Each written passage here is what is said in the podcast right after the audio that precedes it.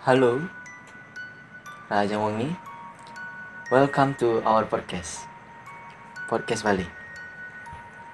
Ya, sebelumnya kami akan memperkenalkan diri terlebih dahulu. Nama saya Ngurah dan partner saya kali ini Komang? Ya, jadi podcast Bali ini bakalan fokus pada konten-konten horor. Baik itu cerita mistis, pengalaman horor, maupun cerita tempat angker atau horor dari kalian, para pendengar kami, dan teman-teman kami. Jadi untuk eh, cerita horornya, untuk lokasi, tempat itu karena mungkin ada request dari para teman yang punya cerita jadi mungkin namanya disamarkan lokasinya disamarkan jadi itu untuk itu mohon maaf karena untuk privasi juga tapi untuk ada ada sih beberapa teman yang nggak nggak apa namanya nggak nggak nggak gini lah nggak terlalu menginginkan pro- Ya, privasinya eh, mereka mengizinkan, Hmm, dia nggak mengizinkan dia mereka mengizinkan untuk eh, namanya disebut, tempat dan lokasinya pun juga bisa disebut. Tapi eh, kami ingin itu untuk di privasi karena itu merupakan konten yang sedikit sensitif. ya betul Tetapi kami akan memberikan beberapa clue untuk letaknya atau lokasi dan lain seperti bagaimana. oke langsung saya Ya, jadi cerita pertama ini berasal dari uh, salah satu teman saya yang satu kelas juga dulu sewaktu SMK. Jadi mari kita dengarkan ceritanya. gas Halo, selamat malam para pendengar podcast Bali ini. Jadi, perkenalkan nama saya Adila. Kali ini saya akan menceritakan salah satu kejadian horor yang nyata saya alami di sekolah saya dulu. Ya, eh, jadi saya berikan gambaran sedikit. Jadi sekolah kita itu dulu berada di Buleleng Hmm, dan ini cukup terkenal di kalangan anak-anak akuntansi sekolah dan favorit ya cukup favorit di kalangan orang-orang Buleleng Hmm, oke. Khususnya di Singaraja. Jadi sekolah kita itu dulu punya dua gerbang. Yang pertama dia ada di gerbang utara dan gerbang selatan. Jadi kalau dari gerbang selatan itu setelah kita masuk di sebelah kanannya kita sudah bisa melihat uh, pura atau merajan atau tempat sembahyang untuk agama Hindu. Dan setelahnya kita bisa melihat aula lalu di sebelah aula itu ada ruang kepala sekolah dan di sebelahnya lagi ada ruang guru dan ruang kelas jadi di ruang kelas ini terbagi di jadi dua lantai yaitu lantai satu dan lantai dua satu dua oke Oh ya, jadi di satu halaman sekolah ini ada dua sekolah. Ya, itu cuma ada satu di Singaraja. oke satu oke Jadi segitu aja clue-nya cukup. Jadi bagi yang sudah tahu tolong dirasakan ya soalnya ini sedikit sensitif lanjut Oke, jadi kejadiannya ini sudah cukup lama, sekitar 3 atau 4 tahun yang lalu. Ketika aku masih duduk di bangku kelas 10 SMK. Nah, pada saat itu aku sekolahnya di jam siang, sekitar jam 1. Nah, Hmm. biasa ciwi-ciwi kan suka kumpul oh iya suka kumpul di depan ruang guru jadi aku itu kumpul-kumpul di depan ruang guru bareng teman-teman sambil nunggu bel untuk masuk kelas nah tiba-tiba salah satu temanku sebut saja eh, namanya Dian dia itu datang dan tiba-tiba nabrak aku nah Hmm. entah itu disengaja atau enggak itu aku nggak tahu jadi sampai aku sedikit memeng- membentaknya Hmm. namun yang anehnya dia hanya diam dan berlalu begitu saja. Oh jadi setelah ditabrak buk terus dia I don't care about this Iya, So, dia kayak uh, bodoh amat itu sama Iya. apa tanggapan orang. hmm. ya lanjut Uh, nah setelah setelah itu uh, aku pun tetap berpikir positif dan tidak menaruh curiga padanya. hmm. Hingga bel masuk kelas pun berbunyi. Seperti biasa, aku dan murid-murid lain pun melakukan absen wajah. Nah, aku dan Dian, Dian ini absen ini berbarengan dan bersampingan. Oh iya. iya. dan aku pun sempat meminjam sisir dari dia. Nah, sampai sini aku masih belum ada kejanggalan yang dapat kurasakan. Hmm. Lalu setelah sampai pada jam pelajaran akan dimulai, tiba-tiba satpam sekolah datang dan memberikan surat yang di mana menceritakan bahwa Dian itu tidak masuk sekolah. Nah, Wow. aku kaget dong, soalnya nyata banget kalau aku lihat Dian itu ada di sekolah. Sampai akhirnya aku bercerita pada wali kelasku. Wow. Jadi si Dila ini nab ditabrak sama, Sama si Dian. Dian. Yang Tab- di mana Dian ini tidak masuk sekolah padahal. Iya, tap. Yang jadi pertanyaannya itu, Dian siapa? itu siapa? Iya, Dian itu siapa? Yang yang yang na- yang, Dila, Yang ditabrak sama Dila, eh Iya. sama Dian itu? siap yang Eh, nabrak Dila. Iya, yang nabrak Dian Dila itu siapa itu? Wow. Merinding. Nah, ini mirip-mirip sama ceritaku waktu waktu berlibur ke Ubud nih. Hmm? Waktu itu aku ke Ubud, terus dapat eh, berkunjung ke salah satu bukan salah satu, satu-satunya art center yang ada di Bali. Oh ya. Dan waktu itu aku ketemu sama temanku. Hmm. Tapi yang anehnya muka temanku itu pucat. Pucet. Dia diam di dekat eh, pohon jepun atau bahasa Indonesia pohon kamboja. Iya. Pohon kamboja. Dia Oh, duduk iya. di dekat sana. Hmm? Terus aku samperin nih. Aku tanya ke dia, loh, kok sendiri aja sini? Sama siapa? Hmm. Dia nggak jawab. Dan dia diam dengan tatapan kosongnya. Nah, aku Oke. pun bingung tuh. Nah, ini kenapa nih anak nih? Sakit apa gimana gitu? Nah, setelah itu aku tinggal gitu aja. Terus aku cuma bilang, aku pergi dulu ya. Udah dipanggil sama keluarga. Hmm. Nah, setelah itu, setelah selesai acara di sana, aku punya inisiatif nih nanya ke temanku. Aku WA dia. Aku tanya, kamu dapat ke art center ya waktu itu? Eh, waktu tadi. Dia bilang enggak. Nah, mirip-mirip kayak kejadiannya sama Dila.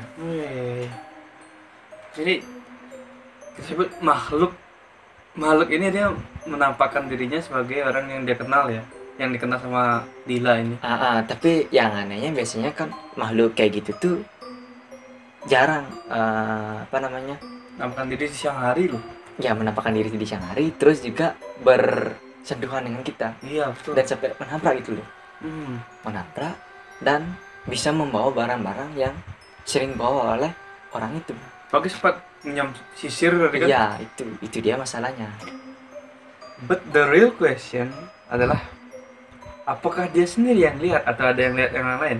Nah, itu dia. Kan apalagi di siang hari kan di sekolah kan cukup rame apalagi di kelas pas dia minum sisir kan kan nggak mungkin kan dia ngomong sendiri dilihat sama temennya ngomong sendiri ya aku minum sisir ya terus dia gini-gini kan dikira orang Pak. apakah temennya Iya. yang lihat segitu dia sendiri atau sama dia lihat dia Ah, juga itu Iya, setidaknya satu atau dua orang itu pasti bakal ngelihat. ya gitu. seharusnya Tapi, nah di sini di sini yang kurangnya klimaksnya. hmm.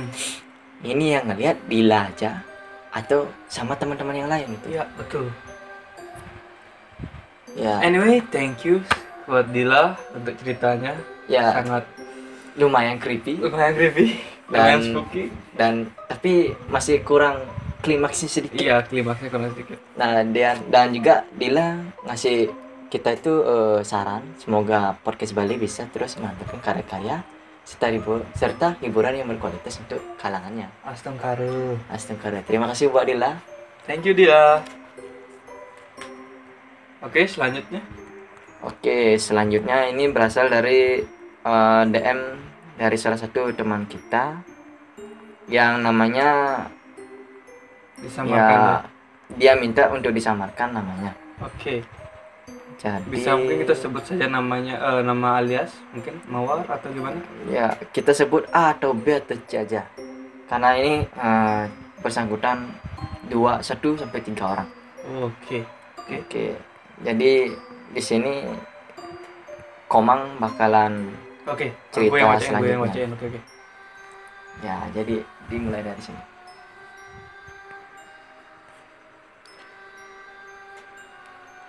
Oke, kita sebut saja mungkin biar biar nggak saja, aku sebut saja dia namanya si Melati. Melati ya. Ya, Melati. Kenapa kamu lakukan kayaknya? Kan ekonomi pak. oke oke, serius serius serius. Jadi eh, kejadian ini mungkin sudah cukup lama terjadi.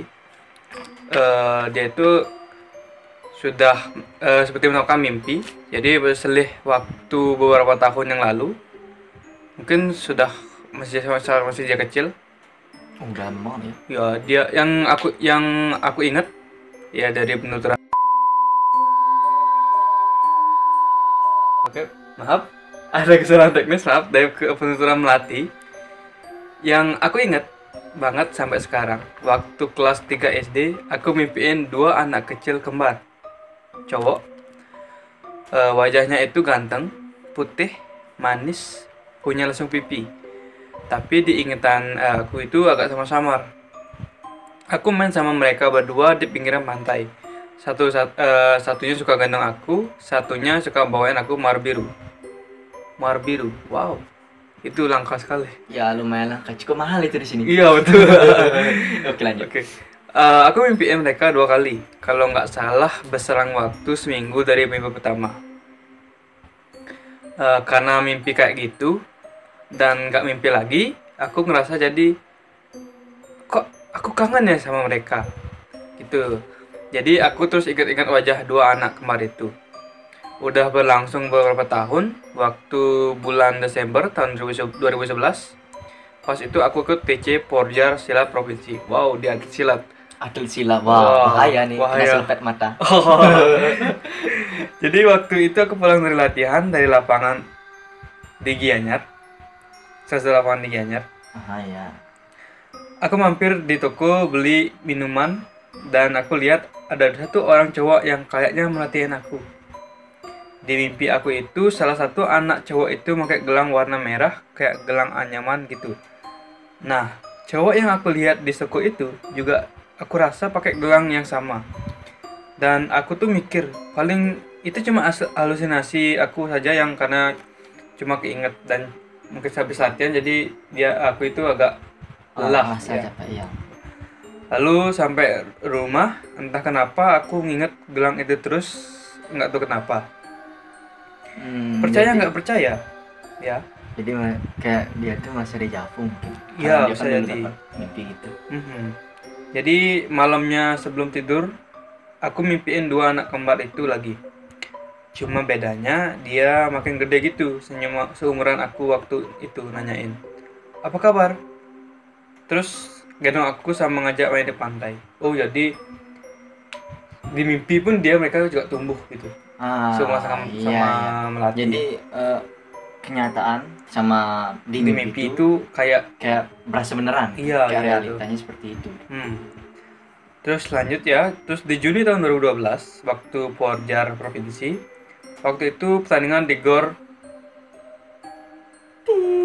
Oke. ya kan? Di salah satu di mana itu? Di Gor mungkin di ini di Salah satu gor Buleleng ya, Buleleng. Buleleng ya. Iya. Nah, lapangan basket di timur itu. Nah, aku duduk di sana di belakang ring basket. Di sana daerah belakang ada seorang anak cowok. Dia nggak sengaja numpahin minumannya yang dingin ke punggungku.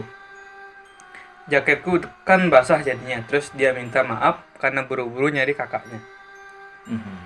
Nah, titik keanehannya yang mulai aku rasain itu waktu jam istirahat pas pertandingan itu, aku main ke gor satu gor di Black. Nah, aku lihat dia, tuh aku tanya, Gus, gitu kan kalau orang Bali, kalau orang Bali ya kurang kenal sama cowok. iya kan kalau cewek ke cowok Gus, kalau Gus, cewek, eh eh, kalau cowok ke cewek mungkin geng Ge- gitu iya. ya. Gus yang tadi nggak sengaja nyiram jaketku pakai minuman kan? Dia nanya, terus siapa ya salah orang? Dan ternyata itu kembarannya. Wow, tunggu. Anak yang di mimpi itu kembar kan? Ah ya kembar juga. Tapi dia ketemunya pertamanya kan waktu kecil. Iya. Setelah itu Pas Udah, mimpi dapurnya, ah, seumuran mak dia udah gede remaja gitu. Ya mungkin ini orangnya. Oh, bisa jadi. Oke, kita lanjut. terus akhirnya dari sana aku mulai kenalan sama mereka Eh, oke karena ini privasi nama jadi sebetulnya kakaknya itu si A dan adiknya si B si B oke Ya. dan jangan aja upin ipin itu Iya betul. nah kalau si B ini, aku udah pernah cerita sama Eh, eh, sama sama murah. Jadi ya skip aja untuk itu ya. Jadi nggak usah di detail sekali untuk seorang. Jadi mereka itu bersaudara kembar. Padahal eh, juga padahal baru kenalan waktu itu. Kita tuh seolah merasa dekat banget. Di sana aku ditakdir makan bakso sama dia sama ibunya. Manggilnya Bum- Bunda. Oh, si Melati ini manggil ah, ibunya, yang si kembar ini ya ya, Bunda ya. Jadi Terus-. Ya, terus pas jam satu siang, deh eh, kalau itu nggak salah, waktu saya istirahat, aku balik ke gor. Ibunya minta nomor telepon aku. Aku bilang bisa BBM nggak bu? Oh pas zaman zaman BBM itu. oh iya iya iya Blackberry. Waktu masih BBM-an itu Iya, ya itu dia. Ping ping ping gitu. oke sih Nah, aku kasih pin BBM. Nah, setelah 4 hari forjar, rombongan pun pulang. Sampai rumah aku beraniin diri ping ke ibunya. Loh, Mantap. nggak tahu kenapa kangen aja gitu. Mereka kan dari Gatsu dan Pasar. Jadi Pasar kan. ya Sementara aku dari Gianyar. Tahulah anak umur 20 12 tahunan itu kan kalau keluar kan selalu diawasin. ya orang tua pasti was was Iya betul. Karena saking pengennya ketemu mereka padahal orang asing dan baru aku kenal. Aku beraniin diri ke lapangan ke lapangan di yang di Denpasar karena diajak aku ketemu. Nyampe di sana aku respect langsung belum meluk ibunya. Si A itu lebih terbuka eh, sedangkan si B itu lebih introvert. Ibunya itu sayang banget sama aku padahal baru ketemu. Loh, bayangin loh. Kok kayak ada ikatan batin gitu ya? iya kayak ada ikatan batin Hmm. dan mereka berdua tuh ngerasa anak ibu ibu anak itu Iya betul. ada ikatan Ada ikatan. sama anak Iya. Nah lama kelamaan karena sering kontak, ketemu, deket dan bla bla bla. Kok kadang-kadang dia bla bla bla. Aku di bulan Juli aku deket sama si B. si B ya. Oke, waktu pertama kali aku ke rumahnya dia eh, waktu itu acara syukuran kalau nggak salah pas tahun 2016. itu di Rala kayaknya dia bilang 2012 kalau salah deh coba Oh, dibaca bawahnya Coba lihat itu mana. Oh ya itu dalat ya, itu tahun 2012 bukan 2016. Jadi masih uh sudah cukup lama ya lumayan. lama itu sekitar 8 tahun 8 yang tahun lalu. yang lalu Iya ya. Waduh, lama banget. eh kayaknya gini ada perbedaan agama. Jadi si Melati ini sama si B ini lain beda agama, Mm-mm. tapi masih tetap direstuin gitu. Nah, si B ini cerita kalau ibunya itu sering nangis, ngurung diri di kamar dan aku tanya, "Kenapa?" Katanya masih kangen sama suami yang meninggal pas mereka umur 2 tahun yang lalu. Jadi ibunya lama banget dia ibunya 10 tahun ini- lalu setelah itu deh dia 10 ya 10 tahun yang 10 lalu tahun 2012 mungkin 10 tahun 10 tahun? 2002 hmm 2002 2002 Jadi Jadi masih kecil gitu boy, masih mungkin berarti ibunya ini single parent berarti? Ya mungkin. dari sana mah lanjut. Dari sana aku baru tahu kalau cerita yang sebenarnya kalau ibunya itu dibilang punya penglihatan atau indera keenam. Wah, Wah. ibunya indigo ini. ini Ah mungkin ada hubungannya nanti nih Mas Mali. Oke, kita lanjut ya. Jadi reaksiku kaget, langsung lemes, takut. Aku malah waktu itu masih kecil lihat barang aja aku takut aku. Well, iya, Well, barang ya, emang cukup menakutkan waktu itu kecil. Mhm. Oke lanjut, ibunya dengar kita bicarain, tapi dibilang nggak apa-apa, jangan takut. Jadi selama ini aku disayang, disayangin karena bisa dilihat kapten aku itu tulus, setia, udah dianggap kayak anaknya sendiri. Bahkan setiap aku ada masalah di rumah, aku selalu nemuin mereka. Pokok pokoknya baalah ibu kandung sajan. Bahasa gayanya pokoknya seperti baalah ibu kita sendiri. Iya, ibu, betul, Ibu itu. kandung saya sendiri. Ya, ini kan aslinya dengan Gianyar. Oke, lanjut. Jadi pa- pas tanggal 8 Agustus 2012, ak- eh, aku si Melati ini jadian sama si B. Oh, jadian ya. Berapa ya? Oh, masih kecil banget ya. Wah, Aku baru tahu cinta aja sih enggak, Cok. aku ya jomblo. Kasih. Udah, kita langgeng 4 tahun. Wow, lumayan. Sampai tahun 2016 dia meninggal Sampai dia meninggal. meninggal. karena sakit. Wow, jadi Sakitnya kenapa dong? tidak disebutkan privasi. Oke, privasi. Ya, mungkin karena Aha, ya, ya. Ya. Paham, paham. Nah, se- sebenarnya si ibu ini, si ibunya yang kembar ini sudah tahu dari jauh-jauh bakalan kejadian. Ya, tapi aku nggak dikasih tahu. Pulang sekolah, aku selalu merawat dia, si B, ke rumah sakit tanpa tahu sebabnya. Nah, horornya di sini. Aku sampai nggak bisa tidur setiap dia kritis pulih, kritis pulih. Aku tanya sakitnya apa nggak dijawab. Terus ibunya ngasih aku gelang Dikasih foto ini ya bisakah kita tunjukkan fotonya Eh, coba kita kasih Eh, ini gambarannya kayak tasbih Islam, tapi ini tasbih yang digunakan pada orang Kristen kalau nggak salah deh. pokoknya Iya. kayak kayak gelang-gelang yang dibuat handmade Iya, iya. yang dari Ah, kayu itu ya ah. Heeh. jadi ya, Sebut aja tasbih dah. ya ya gelang Gelang, itulah iya, iya. Ya, ya. Terus lanjut ceritanya eh, si melati ini diminta buat jaga gelang itu. Keluarga aku pada nanya gelang apa tuh? Atau gelang apa itu? Itu terus aku bohong buatnya itu gelang beli di Tinder Tampul Masa kecil yang penuh dengan kebohongan. iya seperti biasa. dasar nggak dapat oke lanjut.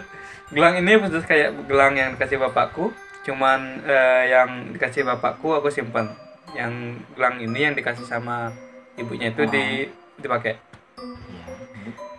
nah waktu di rumah sakit ibunya minta simpan gelang itu baik-baik satu gelang aluminium yang dikasih si A kakaknya si B yang meninggal Mm-mm.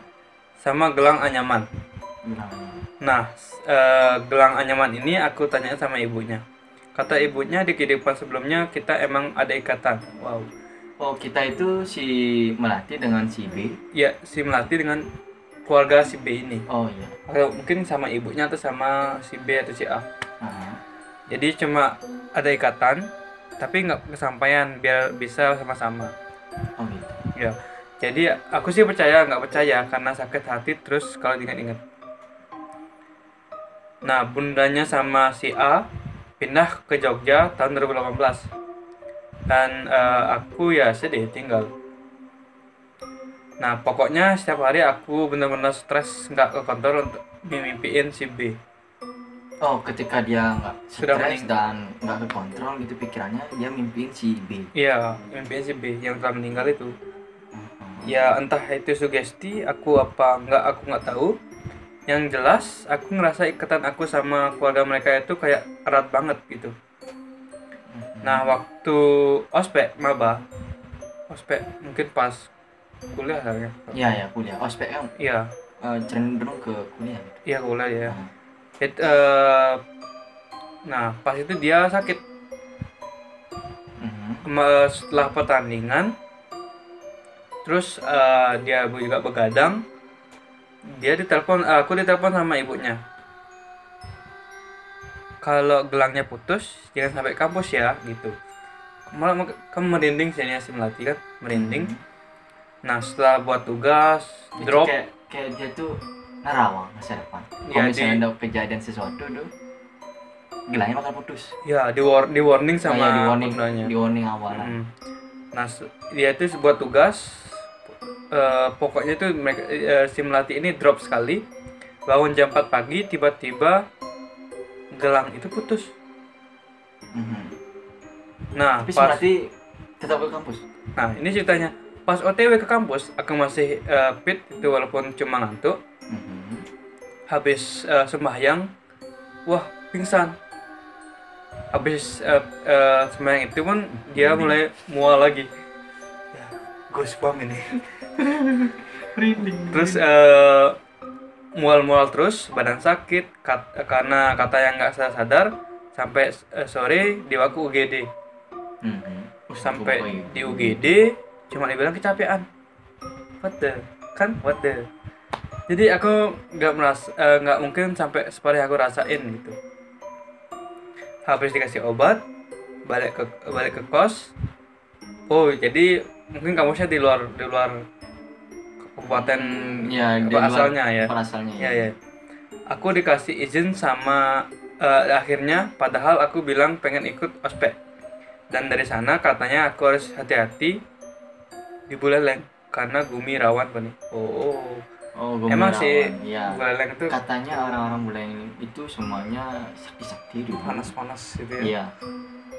Tapi ini sedikit sensitif, tapi karena memang kenyataannya seperti itu, jadi Iya. kita tidak akan duduk-duduk lagi. iya kayak ini kan tergantung kepercayaan dari pendengar masing-masing Iya. ya. oke lanjut biar nggak morot lagi Eh, banyak yang berusaha ya- yakinin yakitin istilahnya nyakitin Oh, banyak yang berusaha buat nyakitin dia mungkin. Oh. Oh ya, itulah kenapa aku ngerasa sampai sekarang itu ada yang ngejaga terutama bapak aku. Oh iya, betul. Dijaga sama bapaknya. Oke, sekian. Oh, ceritanya cukup bikin merinding. Cukup bikin merinding, tapi bikin aneh juga. Jadi Yang ini pertama itu keanehan yang pertama itu Ya. ibunya itu dulu kan punya istri, eh punya maksudnya punya punya suami. punya Suami suami, istri gimana punya suami Ya. dan punya anak pada saat umur 2 tahun sudah meninggal. Hmm. Nah, di tahun 2012, ibu itu masih tetap ingat bagaimana perasaan si suami ke istrinya. Itu istilahnya kayak indigo. Mhm. Nah, Jadi yang kedua, si ibu ini bisa tahu kalau bakalan ada kejadian saat dia nanti ospek maba. Mhm. Nah, yang ketiga itu anehnya dia pingsan sampai sore sampai di UGD cuma dibilang Capek ah. kecapean. Nah, itu anehnya. Jadi mungkin ibunya ini bisa eh, menerawang kalau bakal terjadi sesuatu yang buruk ke- kepada si melati ini. Kalau gelangnya putus, tadi bilang gelangnya putus. Hmm. Pas pas juga gelangnya putus, terus sorenya dia masuk UGD karena dibilang kecapean. Jadi mungkin mau percaya nggak percaya, tapi kan emang gimana kejadian gitu. Jadi Hmm. kayaknya ada yang yang ada yang ngincer Iya iya. ya iya. melati ini. Iya, iya. Ini ini kalau nggak salah ini mirip-mirip sama cerita aku waktu SMP. Anda sepertinya banyak kejadian ya. ya maklum saja saya orangnya bisa ngeliat kayak gitu. ya gimana tuh? Jadi ceritanya itu kayak gini ya. Waktu itu aku eh, berlibur ke desaku yang di timur Buleleng. Hmm, Ya di sebut saja kecamatannya aja ya, Tejakula. iya. itu seperti biasa kita sama eh, aku sama keluarga tuh eh, makan di warung lama dulu Hmm, nah biasa tuh ngomong-ngomong sama keluarga sama yang punya eh, warungnya juga gitu nah di sana pun nggak ada kejanggalan apa apa tapi setelah pulang nah di perjalanan itu kan siang. Harusnya harusnya hawan itu kan panas. Hmm. tapi yang aku rasain tuh dingin. dingin. Kayak ada di kutub utara. Gimana dinginnya pakai AC minus? Kayak gitu rasanya. Nah setelah itu sampai di tempatku tempat tinggalku di Singaraja hawanya normal lagi gitu. Nah setelah itu aku ke sekolah biasa pulang sekolah biasa malamnya lagi tapi bedanya panas Hmm, Nah, aku pakai kipas angin tuh. Udah paling paling kencang udah pakai tuh udah bilang. Tapi tetap panas gitu. Habis itu aku diajak ke dokter dan dokternya bilang cuma aku tuh panas biasa gitu. Tapi yang aku rasain beda. Panasnya tuh luar biasa. banget. Gimana gimana tangan tuh masuk ke panci yang isi air panas. Melepuh Melepuh. tapi nggak melepuh gitu, tapi panas gitu Panasnya keluar, terasa. ya keluar keringat dingin Hmm, nah pulang dari pulang dari dokter tuh beda lagi awalnya tambah dingin nah AC di di mobil tuh aku suruh aku Matiin. suruh matiin sampai aku bentak-bentak tuh orang tua aku berdua nggak nalak. nah habis itu aku biasa tuh pakai selimut eh, tebal-tebal tuh dua biji. Hmm. tapi masih nak rasa itu tapi ketiduran ya aku ketiduran. Nah bangun-bangun aku udah ngeliat eh, bapakku atau yang orang Bali bilang tuh Aji Hmm. Ajiku tuh udah di depan pintu dan aku ngelewatin dia gitu. Aku duduk-duduk di dekat halamanku dulu tuh. Hmm. di halaman tuh aku ngeliat banyak anak kecil semuanya anak-anak kecil botak kepalanya. Ya itulah kayak orang-orang Indonesia bilang tuh tuyul Itu itu. ya itu Eh, apa? Itu ya ya itu itu Ya si Upin Ipin lah. ah upin ipin. Dari negeri seberang ya? Ya. Lanjut. itu mirip itu gitu. Nah aku pindah lagi nih eh, larinya. Lari ke dekat eh, pura. Tapi di sana aku juga masih ngerasa nggak aman itu nah setelah itu aku gak kerasa nih dipeluk sama ajikku nah beda dari pandangan ajikku ajikku tuh ngeliat aku baru bangun Hmm. mataku udah merah terus tiba-tiba lari ke sana ke sini itu kayak bercanda sama orang lain. Oh. itu. Nah setelah itu aku diajak nih ke teman najikku nih. Setelah itu di depan eh, di depan tempat masuk dulu kan ada pintu. Di sebelah pintu tuh ada eh, kerangkeng anjing tuh. Hmm. nah anjingnya ini masalahnya. Nggak diam-diam. Malah aku dikongkong digonggong loh. Hmm. digonggong kayak ada yang ikut dari belakang gitu. Nah setelah itu aku diobatin dan teman anjing itu bilang kalau aku tuh ditempelin sama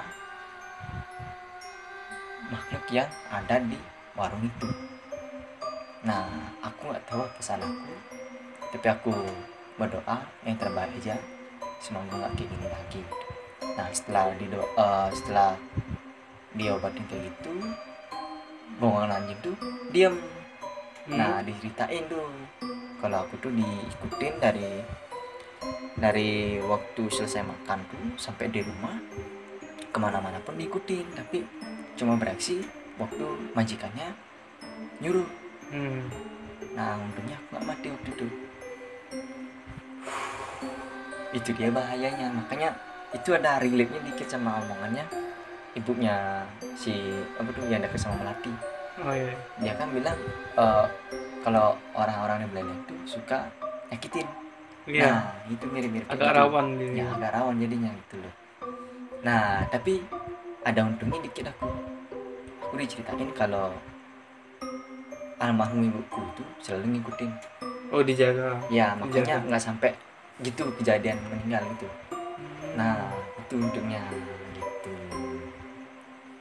ya emang harus waspada sih yang eh, yang sama yang seperti itu ya.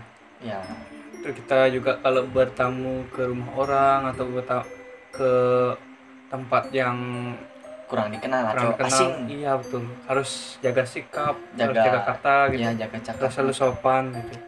Hmm. Karena bagaimanapun kan kita nggak tahu bagaimana perasaan orang.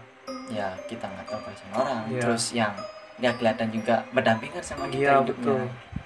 Ya masih bilang kita di, kalau kita dikasih tahu jangan gini yang. Tapi Kalau dia diem terus tiba-tiba nempelin, ya, Ya. gimana? nah gimana gitu jadinya itu loh nah jadi saran nih buat buat eh, dari kita nih buat kalian yang dengar kalau semisalnya kalian ke mana-mana sebelum berangkat berdoa dulu Mhm, Betul. berdoa kepada yang kalian percayai Tuhan seperti uh, Tuhan satu-satunya Tuhan dan juga jaga sikap dan sopan santun kalian di tempat orang lain betul. karena salah kata sedikit pun orang lain nggak tahu bakalan bisa tersinggung atau enggak Mhm.